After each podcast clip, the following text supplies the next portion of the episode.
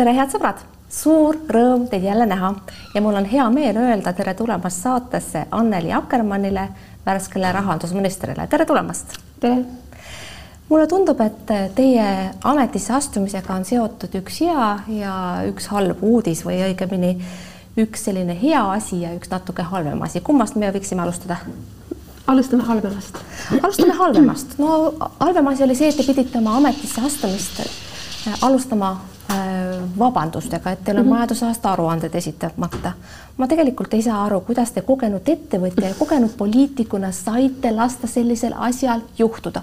oleksite te andnud pojale ammugi selle juhtimise üle, kogu see jama oleks jäänud olemata. kuidas te sellise supi sisse sattusite no ütleme, tegemist on, kus need asjad toppavad, on Kihnus üks äh, siis puisniitude ja rannaniitude hooldamise ettevõttega, kus juba kaks aastat pole nagu päris põhikohaga töötajat.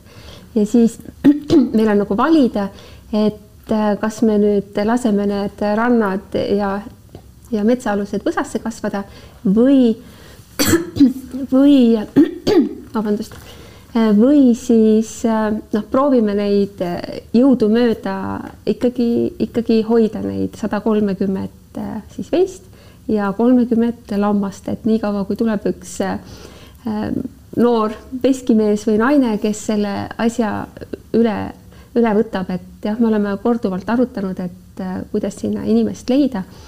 ja seal noh, ma saan väga vähe tunde pühendada seal teatud tööde tegemiseks ja ütleme, ajapuudus on, on see kindlasti ja selle ühe töötaja ühes ettevõttes puudumine, mis on selle jada nagu kaasa toonud. ja ma olen jätnud oma need kaks seisvat ettevõtet, mis jäid seisma seoses minu Riigikogus tööle asumisega, jätnud nagu ripakile, kuna nad enam-vähem seisavad. aga poeg on hoopis teise ala inimene ja tal on lihtsalt äh, võetud vaba semester mis nüüd kulub äh, ema asjade niimoodi joone peale aitamiseks? no aga te saate ju aru, et te olite Riigikogus, teatasite, et olete valmis ministriks saama, olite selleks valmistunud pikemat aega. Te saite ju aru, et niipea kui te saate ministriks, võtavad ajakirjanikud äriregistri lahti ja, ja voilà, seal me oleme. kuidas te seda ette ei näinud? ütleme, ega ma ministriks saamist üle kümne päeva ette ei näinud ja, ja selle, selle, selle kümme päeva ma kulutasingi või kasutasin siis selleks, et et noh, juhatustest tagasi astuda, mis ei ole ministrile lubatud no aga sellisel juhul see hea asi, see suurepärane tsitaat, olen valmistunud rahandusministri ametiks kogu eluaeg, lendab sedaviisi vastu taevast. Äh, noh, ütleme see, no kes nüüd ikka hakkaks, äh, läheks esimesse klassi sooviga saada äh, rahandusministriks, mina tahtsin näiteks müüjaks saada. Aga see tsitaat tegelikult tekkis niimoodi, et äh, kui ma selgitasin, mis ma olen varem teinud, et ma tegin oma ettevõtte esimese kaheksateistaastaselt ja olen sellest ajast tegelenud rahandusega erinevates ettevõtetes ja, ja kohalikes omavalitsustes, et see, see minu see senine karjäär äh, nüüd juba siis kolmkümmend kaks aastat on olnud ettevalmistus äh, rahandusministriks saamisele, et mitte, et ma oleks karjääri alustanud mõttega hakata rahandusministriks. ma olen tegelikult kursis, sellised äh, kontekstist välja rebitud tsitaadid hakkavad vahel elama oma elu ja teiega. aga nad on ju lõbusad ka. ja, ja teiega on just niimoodi läinud, aga kui silmas pidada teie karjääri, teie mm. erialavalikut, eks ole, teil on majandusharidus, teie tegevust ettevõtjana, teie tegevust kohalikus poliitikas, Riigikogusse saamist, Riigikogu komisjonide koosseisu, kus te kõik olete olnud, siis võiks tegelikult mõelda hoopis niimoodi, et ei saanud rahandusministriks mitte nüüd eh, küllalt vara, vaid isegi liiga hilja, sest eh, ma kujutan selle ette, põhjuseks võis olla Äh, väga kogenud rahanduskrokodillide olemasolu Reformierakonnas, et seal ees olid Sõerd ja Ligi ja kõik need teised. et äh, te oleksite olnud varem valmis, aga no ei olnud võimalust. pink oli liiga pikk. ja ma tean, et meie erakonnas on väga pikk äh, rahanduspink ja selles mõttes ma nagu noh, ei olnudki, nagu te näete, noh, tegelikult valmis, et aga miks peaminister valis nüüd kogu sellest balletist nagu minu oma meeskonda, siis peab tema enda käest küsima. ja ma selle järele pärima ei hakkagi, küll tuleb kord, kui Kaja Kallasega sellest räägime mm.. ma kampisin teie eluloo läbi ja ma mõtlesin, et võib-olla on parem, kui te selle luukere, mis teil kapis on, ise üles tunnistate. no ma ei oska öelda, mis see luukere on tegelikult olete te sellest luukerest ise juba avalikult rääkinud ja te rääkisite sellest Andrus Karnaule, minu kolleegile Postimehes. ja, ja luukõre seisneb selles, et ei oska üleüldse oma tervisest hoolitseda. Te olete see ja. tüüp, et kiida lolli, loll jookseb, selline, sellise tüüpi inimene. ma tsiteerin teile, teid ennast. eks ma olen mõned korrad läbi põlenud tavaliselt olen natuke tilguti all ja kõnnin jälle edasi, natukese aja pärast unustan end ja see juhtub jälle. issand jumal, selline inimene saab ministriks, kas te saate ise ka aru, kui ohtlik see on, kui kohutav see on, et ei oska endast üldse hoolitseda? kusjuures ma ei tee nalja. ja, ja ütleme, ma võtan seda huumoriga muidugi, aga jah, ütleme, et äh, peaks enda eest rohkem hoolitsema, aga ikkagi see ütleme, mingisugune pühendumus tekitab ikkagi niisuguse kire, et pilpad lendavad äh, mõnikord. no kuulge, aga kui nüüd teil on neli kuud ainult või praegu jäänud, eks ju, valimisteni neli-viis kuud. neli kuud ei tee mulle nagu mitte midagi no,. see peab olema niisugune aastatepikkune pingutus. kust me teame, et jõuludeks haiglas ei ole no ma arvan, et ei ole et.... no milles seisneb garantii? mul oli Riigikogus ikkagi olid tööpäevad kõigest kaheteisttunnised, et äh, no, arvan, see on praegu... täiesti niisugune mõnus tempo olnud pikalt, mitu aastat nüüd. loodame Teie aeg ikkagi ministriametis kujuneb äh, võimalik, et siiski väga lühikeseks, olete mhm. praegu esialgu ametis kuni valimisteni, mis pärast valimisi saab, me ei tea, see sõltub valimistulemustest, kes valitsuse moodustab ja kes siis lõpuks rahandusministriks saab. mida selle ajaga ära teha jõuab? ma pakun, et suurt mitte midagi, istute seal, kannate ilusaid kleite, naeratate kaamerasse ja ongi kõik selle ajaga tuleb eelarve lõpuni menetleda ja praegu hakkavad juba tulema lauale siis äh, muudatusettepanekud või täiendusettepanekud teiseks ja kolmandaks lugemiseks, et nendega on tegemist veel küllalt, sest teatavasti on just selle viimase, viimase paari protsendi eelarves kokkutõmbamine veel nagu kõige raskem, et kui seal on juba ütleme, konkurents erinevate projektide vahel, mis saavad sisse või ei saa, noh väga,, väga-väga pingeline no see on aga... ikkagi koera saba, koerast on juba üle saadud, eelarve on valmis. meil oli esimesel lugemisel, läheb just Äh, platvormide siis maksustamise eelnõu, ühe direktiivi ülevõtmine, äh, siis äh, on, issand, jah, ma käisin tutvustamas Riigikogu komisjonis, tähendab, ta läheb esimesele lugemisele ka kogumispensionide seaduse muutmise eelnõu, nii et teise sambasse saab panna kahe siis protsendi asemel töötaja Äh, neli või kuus protsenti, see eelnõu menetlus alles algab. no see temaatika on tegelikult tuttav uudistest ja me ei hakka siin mm -hmm. uudiseid ümber jutustama. vaatame veel teie minevikku korraks. Te olete Reformierakonna liige, sellena saite siis ka rahandusministriks.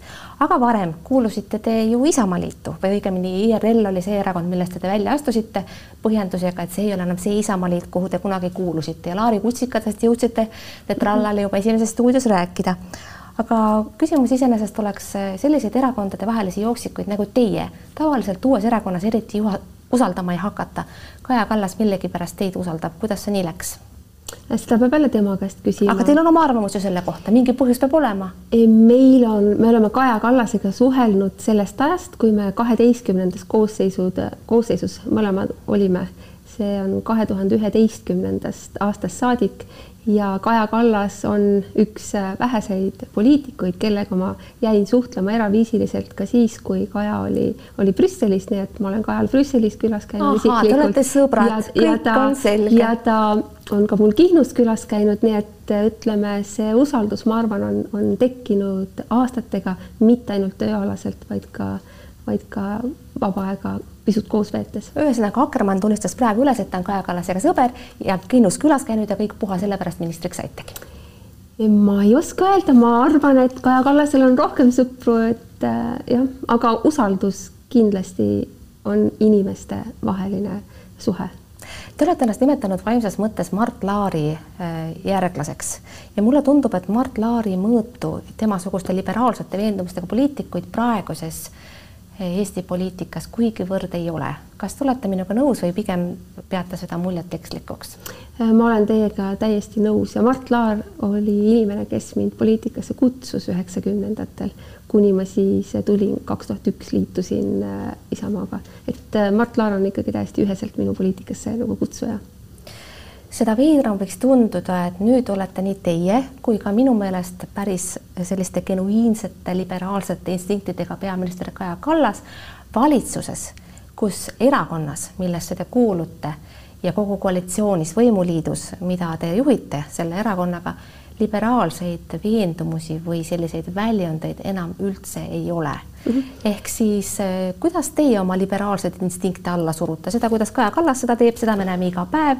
ta ei saa tegelikult tegutseda nende asjade veendumuste järgi, mida ta õigeks peab, aga kuidas teie mhm. surute mm -hmm. endas alla liberaali? noh, ütleme praegu on siiski kogu poliitika kontekst on seotud selle sõjaga, mis meist tuhande kilomeetri kaugusel toimub Te peate kindlasti silmas, et eelarve on tasakaalust väljas, kaks koma kuus protsenti SKP-st, aga see on tegelikult äh, ju hind selle eest, et me astume, oleme ukrainlaste selja taga, kui nad Ukrainas võitlevad äh, meie eest ka ja terve läänemaailma eest. et me majutame põgenikke ja, ja saadame relvi ja relv, ostame ise endale kaitserelvastust ja laskemoona, et äh, noh ütleme, eelarve miinus on väga paljugi seotud sellega, et kaitsekulud on kaks koma üheksakümmend viis protsenti, ulatuvad üle miljardi euro eelarvest ja teine pool. toetused ja täpselt, teine pool ongi see, et äh, iga sõda praktiliselt äh, maailma ajaloos on toonud kaasa inflatsiooni ja inflatsioon siis mõjutab enim neid, kes suurema osa oma sissetulekust jooksvalt ära kulutavad ja et nemad saaksid toime tulla äh, kasvanud kulutustega, on eelarves ikkagi väga ulatuslikud toetused, nii energiatoetused, energiahindade leevendamiseks kui ka peretoetused, lastetoetused. just nimelt. pensionid. ja siis lõpuks virisevad nagu ettevõtjad, et nemad ei saa ja siis virisevad mm -hmm. suured ettevõtjad, et nemad ei saa.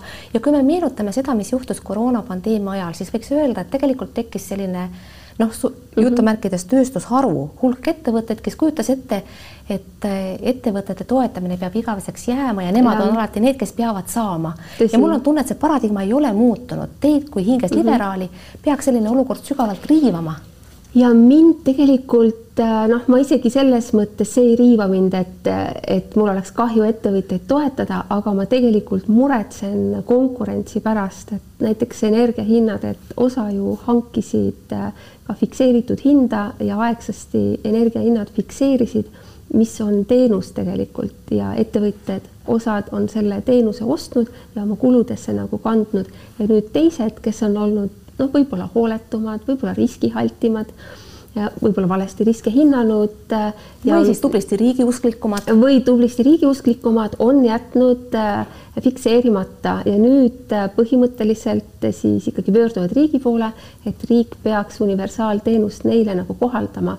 mul ei ole nagu kahju kellelegi universaalteenust kohaldada, aga ma muretsen tegelikult ettevõtjate vahelise õiglase konkurentsi pärast, sest see on nüüd ikkagi väga, väga liberaalne põhimõte et reeglid kehtiksid kõigile ühesugused ja konkurents ettevõtjate vahel oleks õiglane ja ei saaks toetustega solgitud. aga no. no kujutage nüüd ette, Reformierakond on valitsuses, ta tahab järgmises valitsuses jällegi olla ja seda valitsust isegi, isegi moodustada. mismoodi te saate valimiskampaanias siis hakka, hakata rääkima sellest, et ei, ettevõtjad me ei toeta peate võib-olla meelde tuletama, et leidub ettevõtted, mis kriiside käigus lähevadki pankrotti. niimoodi te ju valimisi ei võida. see tähendab seda, et te peate hakkama lubama tasuta lõunaid nagu kõik teisedki ja teie ise samamoodi, kui tahate ministrina jätkata. ei, ma, ma ei usu ja kusjuures teate, see on niimoodi, et et äh, see tagasiside, mis ma olen kolme päeva jooksul rahandusministrina saanud, et küs-, ei, minu käest ei küsita, et kui suured on toetused ja ettevõtjad, mitte keegi ei ole mu käest küsinud, et missuguseid toetusi me hakkame nüüd saama, vaid äh, ütleme, avalikkus ühesõnaga muretseb, et kuidas saada nagu tagasi ree peale eelarve defitsiidiga ja inflatsiooniga, et rohkem nagu muretsetakse selle pärast. Ja see on mulle nagu väga südamelähedane, et äh, meie juhitud valitsus täpselt samamoodi ju soovib äh, liikuda eelarve tasakaaluga nagu tagasi siis nulli poole teate ja., see eelarve tasakaalu asi, te olete kohutavalt optimistlikud ja lubate kahekümne kuuendaks aastaks, et oleme jälle tasakaalus. kas te siis tõesti arvate, et kuskil on veel mingisugune normaalsus, mis naaseb? kas te ei õppinud midagi pandeemiast, kas te ei ole näinud, kuidas üks kriis järgneb teisele ja lõppu ei tulegi? Kui see kahekümne kuues aasta kätte jõuab, siis te peate oma sõnu sööma, juhul kui Tuleb keegi ja juhul kui keegi veel üldse mäletab, mida te siin täna ütlesite ja, või eile. Ehm, noh ütleme, peab uskuma, et sõda lõpeb Ukrainas ja Ukraina ja läänemaailm võidab selle sõja. Ja majandusajaloost üldiselt on ka teada, et peale sõda järgneb ülesehitustöö ja majandus hakkab uuesti kasvama ja siis saab tasapisi trendi pöörata ka jälle vastavalt meie Reformierakonna põhimõttele struktuurse tasakaalu suunas, et kui tekivad, tekib majanduskasv, siis saab hakata koguma varusid ja siis eelarve defitsiiti vähendama kas te, kas te tõesti usute, et kuskil ma tõesti olemas... usun, et Ukrainas võidetakse sõda, ma tõesti usun seda, et see on niisugune postulaat, millest ei saa taganeda üldse tulevikku vaadates. tõesti usute, et kuskil on valija, keda säärane jutt kõnetab?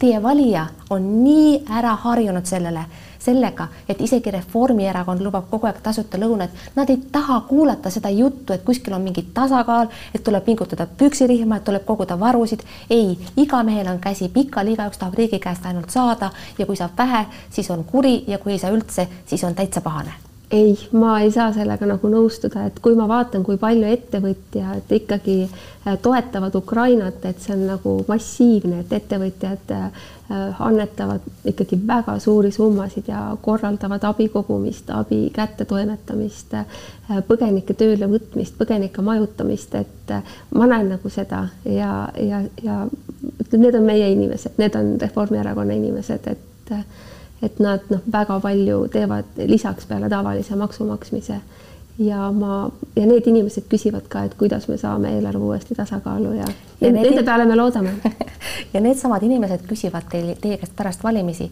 miks tulid maksutõusud, miks te neist enne valimisi ei rääkinud. Teie käest on proovitud mitu korda teada saada, missugused on need maksutõusud, mida teie pooldate.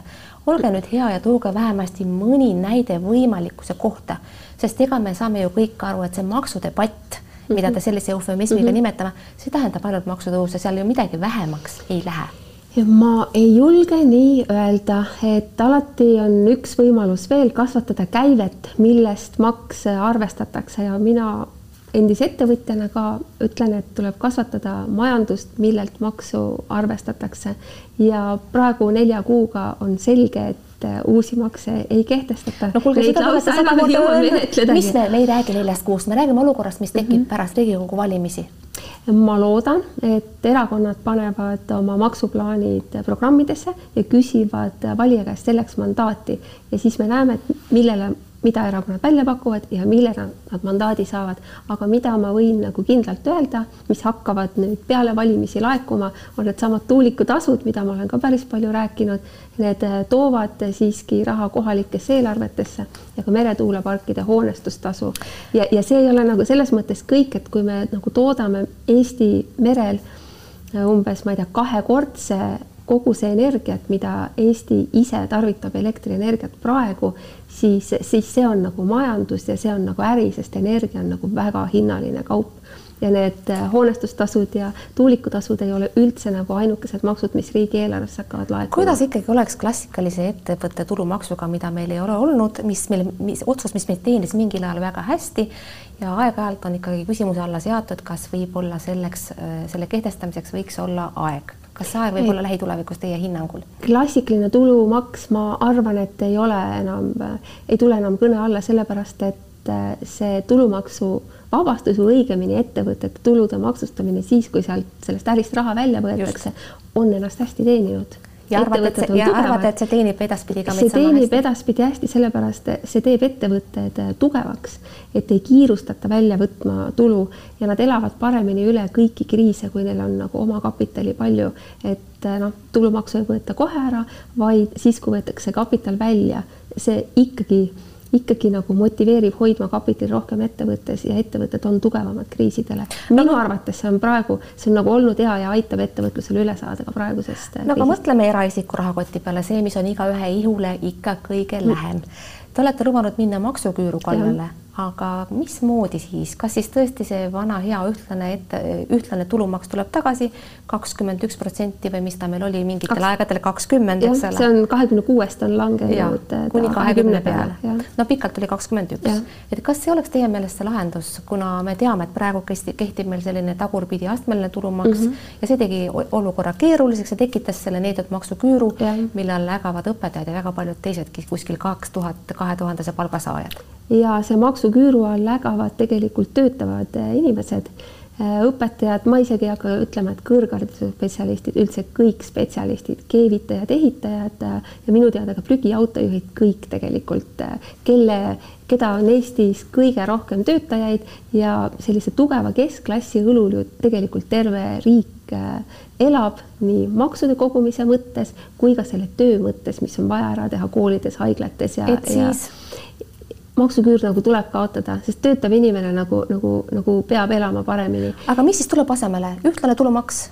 Eh, eh, Reformierakond soovib minna endise tulumaksusüsteemi juurde, mis tähendab seda, et inimene, kes saab miinimumpalka, selle maks on suhteliselt väga palju väiksem ja siis ta kasvab ühtlaselt, kuni siis läheneb lõpmatult siis sellele kahekümnele protsendile, kui nüüd matemaatiliselt rääkida. selge kui ma vahel mõtlen läheneva valimiskampaania peale, siis äh, kujutan ma ette, kuidas kõlaks praeguses olukorras vana hea Andrus Ansipi lubadus jõuda viie Euroopa rikkama riigi hulka. ja mida rohkem ma selle peale mõtlen, seda toredam see mõte mulle tundub. Ansip üle ilguti omal ajal väga palju mm, -hmm. aga tänapäeval ei räägi mitte keegi enam rikkaks saamisest, isegi mitte Reformierakond. mille pagana pärast see nii on? ma ikkagi tuleb tunnistada, et et Ansip pani nagu julge eesmärgi ja tuleb tunnistada, et Eesti siiski on olnud äh, Ida-Euroopa üks kiiremini arenevaid riike ka. Ja me oleme jõudnud ikkagi juba Euroopa keskmisele väga lähedale ja tootlikkuse mõttes või lisandväärtuse loomise mõttes me isegi püüame, no oleme seadnud eesmärgiks sada kümme protsenti Euroopa Liidu keskmisest, et noh, kõrged eesmärgid on, on ikkagi, äh, on ikkagi väärt eesmärgid ja, ja motiveerivad edasi liikuma ja ei saa salata, et Eesti on ju väga hästi edenenud. Teie peate selleks, et jääda rahandusministriks ja kuuluda järgmisesse valitsusse, siis kas rahandus või mõne muu ministrina hakkama pingutama selle nimel, et vastandada ennast EKRE-le, sest selle sõja on peaminister Kaja Kallas välja kuulutanud ja Martin Helme on selle väljakutse EKRE juhina vastu võtnud. mis te arvate, mida on sellest vastandumisest võita ja kuidas te olete omalt poolt selles sopaloopamises valmis osalema? Reformierakonna ütleme osaks on selles nagu duaalses võistluses, et poolt ja vastu olla, olla poolt ja üldiselt on nii, et kui Reformierakond ütleb, et jah, me teeme nii, jah, rohelepe on väärt eesmärk, jah, me kuulume Euroopasse, jah, me proovime kõikide võimalustega ennast ühendada Euroopaga, siis kõigele sellele ütleb ju EKRE ei aga noh, riigi ülesehitus, riik ehitatakse üles siiski noh, positiivseid eesmärke seades, nii et selles mõttes noh, EKRE, EKRE on vastandunud meile, aga noh, meie lähme edasi. Ei ole päris niimoodi, kui ma meenutan Kaja Kallase kõnet, siis tegelikult tema ehitas selle vastuolu omalt poolt väga selgesti üles ja see on täitsa selge, et te peate hakkama panustama, mismoodi te panustate selles sopuloopiamises? pakume paremaid eesmärke, pakume tugevamaid eesmärke.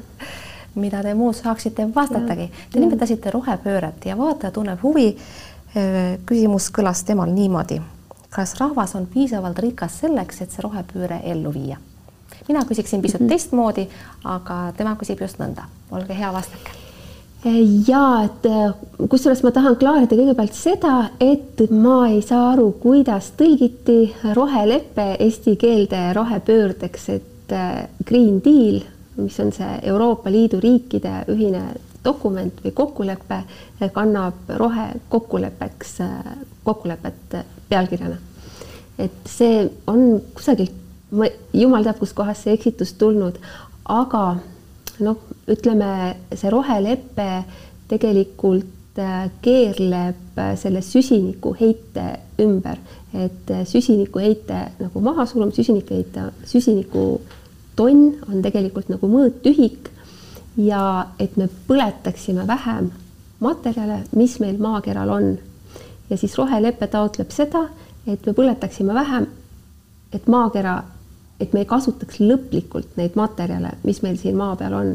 arusaadav. ja selles valguses on äh, rohelepe pikas perspektiivis odavam, sest me kasutame samu materjale jälle ja jälle selle asemel, et põletame ära lõplikult äh, põlevkivi, mis on meie jalge alla tekkinud miljonite aastate jooksul ja ma, need on iseenesest tuttavad argumendid ja käivad korduvalt läbi kõikidest mm -hmm. nendest rohelistest teemadest.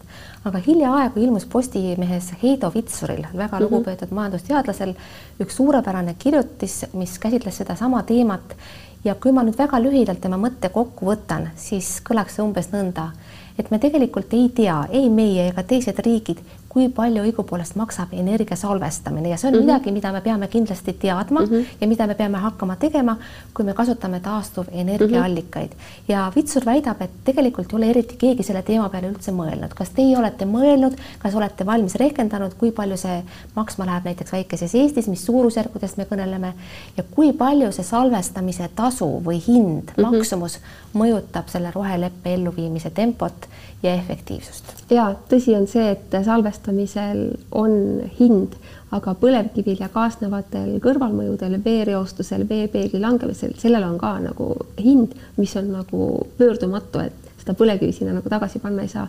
ja ma ütleme, tsiteeriksin ikkagi ühte teist professorit, Ivo Palu, kes on ka energeetik ja ta ütles Delfi äh, rohekonverents, mis siin kaks nädalat tagasi oli ütles mulle sellise lause, et minu arust mitte lavalt, aga omavahel, et tulevikus, kui tahetakse hakata kasutama rohelist energiat, energia muutub odavaks, sest tuulikutega toodetud energia on ikkagi noh, väga odav, kui võtta laiemad keskkonnamõjud arvesse võrreldes nüüd põlevkivienergiaga, aga võrgud muutuvad sedavõrd kallimaks.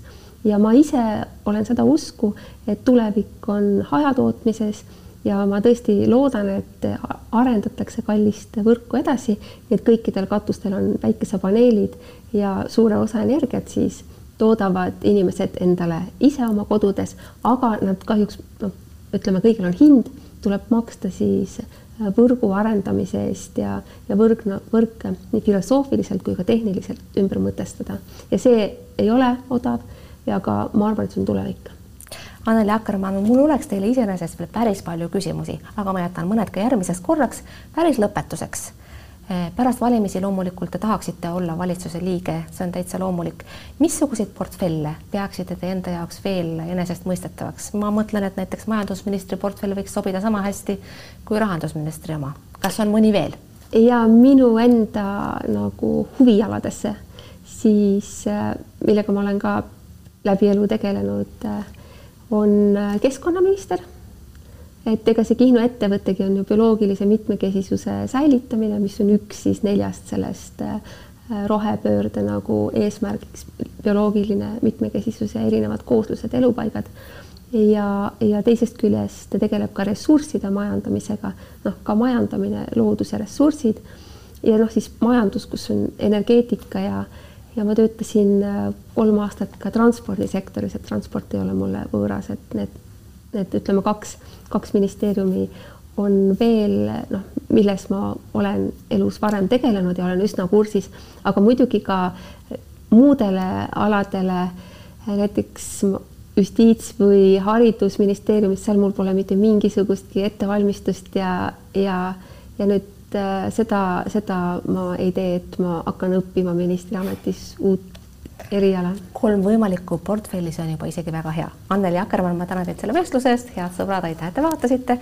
vaadake teinekord ikka jälle, olge vahepeal terved, mingu teil hästi, kuulmiseni ja nägemiseni